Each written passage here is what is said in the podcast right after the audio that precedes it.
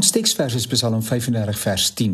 My hele wese sê: Here, wees soos U wat die swakke bevry van die wat sterker is, die swakke en die arme van die wat hom beroof. Dit is baie moeilik om nie ontstel te wees oor uitsprake van sommige politici wat die afgelope tyd gemaak is nie. Dis asof mense nie kan klaarmaak met die verlede nie, maar die narratief van vooroordeel, agterdog en verdeeldheid met entoesiasme aanblaas. Dit is meer as ooit nodig dat Christene in Suid-Afrika hulle deur die gees van God laat lei en nie toelaat dat hulle natuurlike ingesteldheid die oorhand kry nie. Baie van ons redeneer dat genoeg genoeg is en dat dit onredelik is om soveel kritiek en vergeeseling te moet verduur. As politici 'n baanrot rekord het waarna hulle kan verwys wat respek en agting by 'n mens afdwing, kan 'n mens nog sê dat die mense 'n saak het. Ongelukkig is die teendeel waar. Menige gemeenskappe val uitmekaar en van beloftes kom daar niks.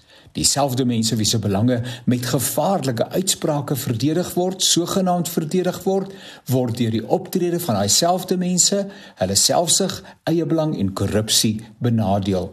Miljoene mense slaap honger saans en tog word die hand wat die massas voed met mening weggeklap. 'n Mens sou hoop dat die massas onderskeiding aan die dag lê en wanneer dit by die uitbring van 'n stem kom met verantwoordelikheid optree.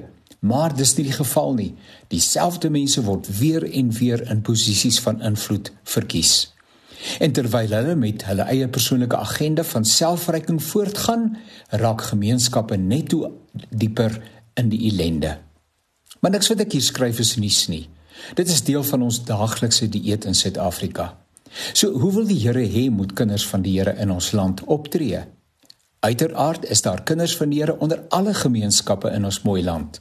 Maar selfs onder kinders van die Here is daar vooroordeel, agterdog en vrees teenoor mekaar. So hoe vorentoe? En is daar 'n vorentoe? Is daar 'n toekoms vir ons en ons kinders en ons kleinkinders in ons eie land, Suid-Afrika? Om terug te kom by 'n vroeëre opmerking wat ek gemaak het, as daar ooit 'n tyd was waarin gelowiges met geloofsonderskeiding sal moet optree, dan is dit nou. Jesus maak dit nie altyd vir ons maklik nie. Ons voel meer gemaklik met terugbetaal, terugbeledig, sleg sê, vingers van veroordeling wys, maar dis nie hoe die Here ons leer nie. Matteus 5 vers 39 maar ek sê vir julle julle moet julle nie teen 'n kwaadwillige mens verset nie. As iemand jou op die regterwang slaan draai ook die ander wang na hom toe.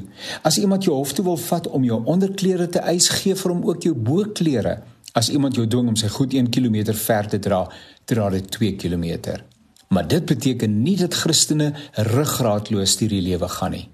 Dit beteken nie dat Christene God se water oor God se akker laat vloei nie maar Christene tree stylvol op. Ons betaal nie in eie munt terug nie. Ons volg die voorbeeld van ons mentor Jesus Christus.